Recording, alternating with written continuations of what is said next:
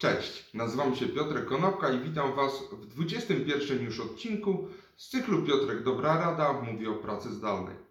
Dzisiaj kilka słów na temat tego, co jest nazywane techniką jednominutowego menedżera, czyli w jaki sposób zarządzać zespołem, tak żeby ludzie czuli się zaopiekowani.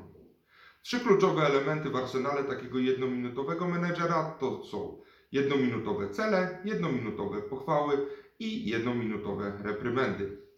Cele powinny być możliwe do przekazania w ciągu jednej minuty, mieścić się na jednej kartce A4 i co jakiś czas powinniście zarówno te cele ustalać z pracownikami i zastanowić się nad wynikami, które są osiągane przez każdego pracownika.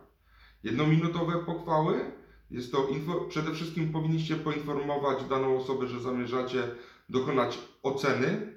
Powinniście powiedzieć, za co konkretnie chwali się tą osobę. Pochwała zo- powinna zostać udzielona bezzwłocznie i powinno się pokazać zarówno szerszy kontekst, jak i uzasadnienie, dlaczego dana osoba zasługuje na pochwałę. Teraz to prawda ciężko jest z przekazaniem kontaktu fizycznego jak uścisk dłoni prezesa, ale kudosy na LinkedInie bardzo ładnie to zastępują. Jednominutowe reprymendy również powinny być zastosowane.